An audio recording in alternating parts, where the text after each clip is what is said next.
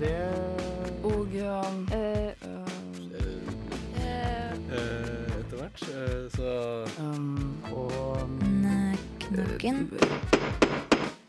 Emneknaggen. Studentenes debattprogram på Radio Nova. eh, Radio Nova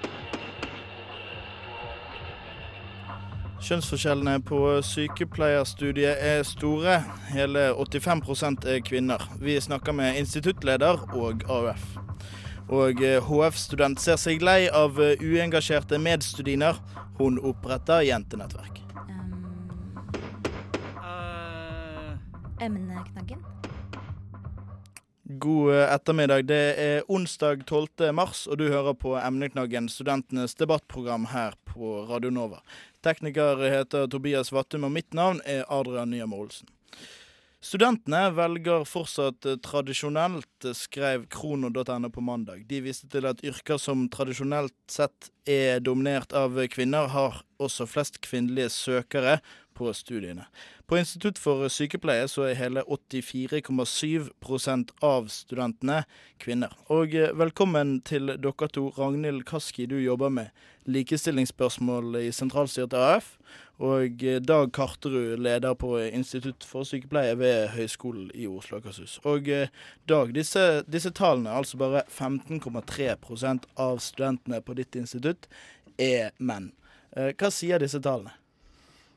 Nei, De bekrefter en uh, tradisjon. En uh, Sånn har det vært lenge. Uh, det er faktisk litt bedre enn det i perioder er. Så vi kan jo være glad for det, men det er tilfeldig. Dessverre, kan vi si. Vi har ikke gjort noe aktivt for å øke søkertallet eller få flere menn til studiet. Hva, en sykepleier som jobber på et sykehus, eh, har jo mest sannsynlig 50 eh, kvinnelige pasienter og 50 mannlige pasienter. Eh, er det sånn det skal være, da? At eh, vi utdanner eh, såpass forskjellige forskjellig menn og kvinner eh, i dette faget? Jeg skulle ønske det kunne være 50-50. Men jeg tror sykepleie er et uh, yrke med tradisjoner hvor det er kvinner som stort sett har blitt rekruttert til det yrket. Eh, det har jeg prøvd å skrive litt om en gang i tida. Jeg tror det er mange måter å forklare det på. Eh, jeg syns det er beklagelig. Jeg tror eh, sykepleieryrket hadde tjent på en mye mer blanda rekruttering og mye mer blanda eh, skal vi si, andel menn i, og kvinner i, i yrket. Mm, hvorfor det? Jeg tror repertoaret blir breiere. Menn og kvinner foretrekker ulike ting. De har ulike repertoar. Jeg tror det vil bli et sunnere arbeidsmiljø. Mm. Jeg tror eh, det som problematiseres og tematiseres og måter å jobbe på, blir eh, en større variasjon. Det tror jeg vil fungere bedre for yrket. Uh, Ragnhild, når du hører disse tallene, det er 85 eh, kvinner og 15 menn. Hva er det første du tenker når du hører tallene? Jeg tenker jo at det ikke er godt nok, men også at det viser et ganske sånn det er gjennomgående på ganske mange av helseutdanningene. Både på høyskolen, men også på universitetet. For du ser det samme på f.eks. psykologiutdanninga, eh, hvor det er mellom 80 og 90% jenter. Og jeg mener også at vi har et samfunnsansvar i å utdanne eh, både kvinner og menn til de her Hvem har yrkene. samfunnsansvaret? Både liksom høyskolene og universitetet eh, har det, men samtidig har man som politikere også et ansvar i å sette i gang tiltak som jevner ut de her kjønnsforskjellene. Hvem, eh, hva er det dere kan gjøre da, som, eh, som politikere? Altså, For det første så det jo, må jo høyskolene og universitetet drive med litt mer aktiv rekruttering.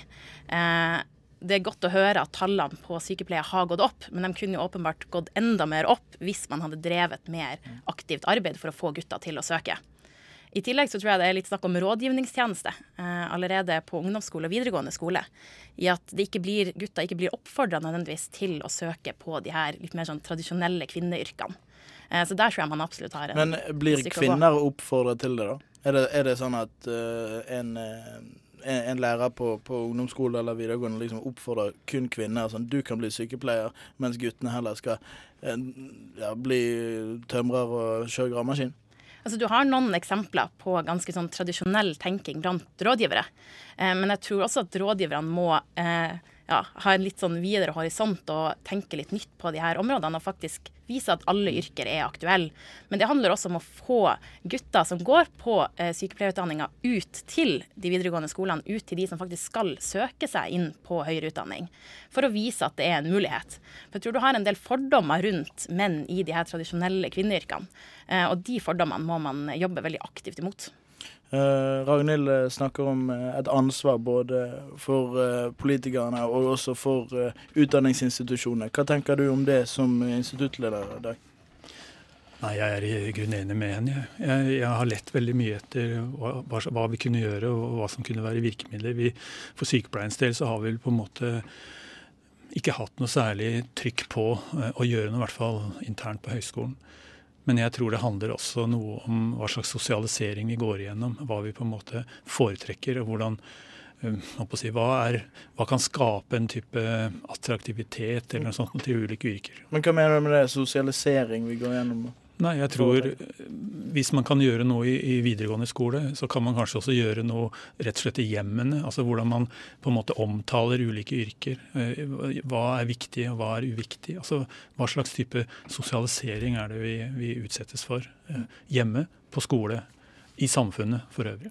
Men dere har ikke drevet aktiv rekruttering, som dere sier. Hva er grunnen til at dere ikke har gjort det? Ja, da da er det jo litt mine personlige meninger om det. Det tror jeg handler litt om at jeg tror sykepleien tradisjonelt bestandig har hatt en skjevrekruttering, i hvert fall i, i, i, Vesten, i Norden, eh, som, som, har på en måte blitt assosiert med et typisk kvinneyrke i uminnelige tider. Mens andre fag eh, har hatt en annen type utvikling. Altså Læreryrket har gått fra å være et yrke for menn til å bli mer og mer et yrke for kvinner. Det samme ser medisinen ut også til å, å, å gå. Og Der må man liksom forklare det på en litt annen måte enn innenfor sykepleien.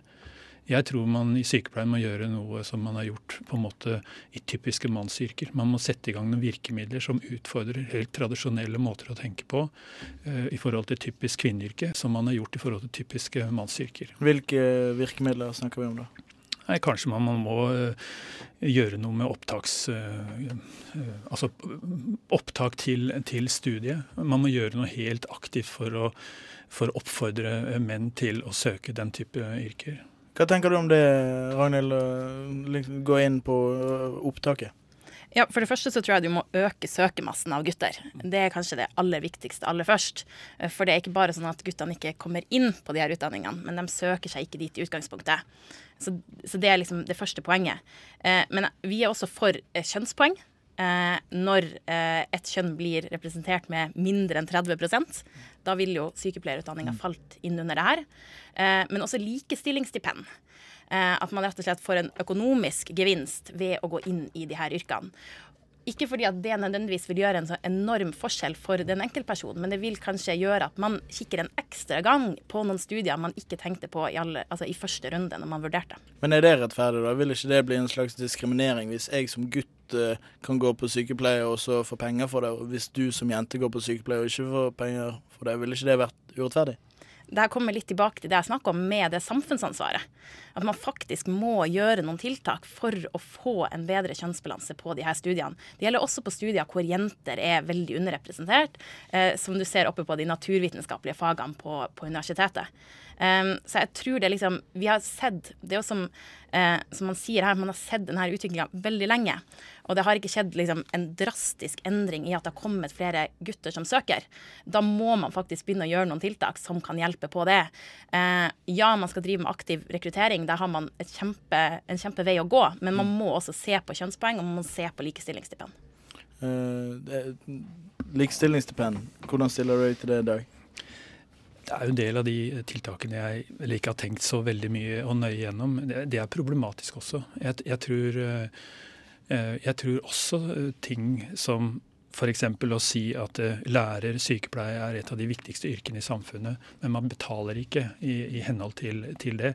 Det tror jeg også er faktisk ganske viktig. En slags dobbeltkommunikasjon, tror jeg, overfor en del søkere. Mm. Men Altså, Er det et reelt problem at det er så få, uh, få uh, mannlige sykepleiere? Uh, det, det, går vel bra med sykepleierne i dag? Ja, man kan godt si det eh, sånn. Det er et eh, problem litt avhengig av hvordan du vinkler det. Vi kan jo si det at eh, på en, Et perspektiv er jo at eh, vi ville fått et, tror jeg, et bedre yrkesarbeidsliv. Eh, det tror jeg gjelder generelt. Det ville også sykepleieren profitert på. Jeg tror for studiemiljøet ville det gjort en kjempeforskjell om vi kunne fått en blanda studentgruppe mellom gutter og jenter.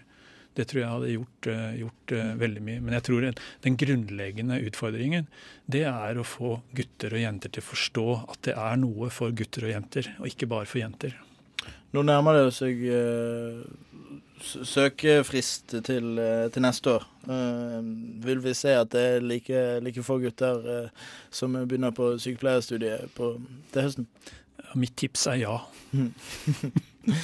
Da eh, må vi sette strek der. Takk til dere begge, Ragnhild Kaski fra AUF og Dag Karterud, eh, instituttleder for, eh, på Instituttet for sykepleie ved Høgskolen i Oslo og Akershus.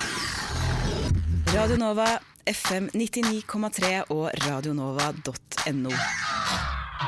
Det var Agent Steel av uh, Beglomegg du hører på Emneknaggen, studentenes debattprogram her på Radio Nova. Um, uh.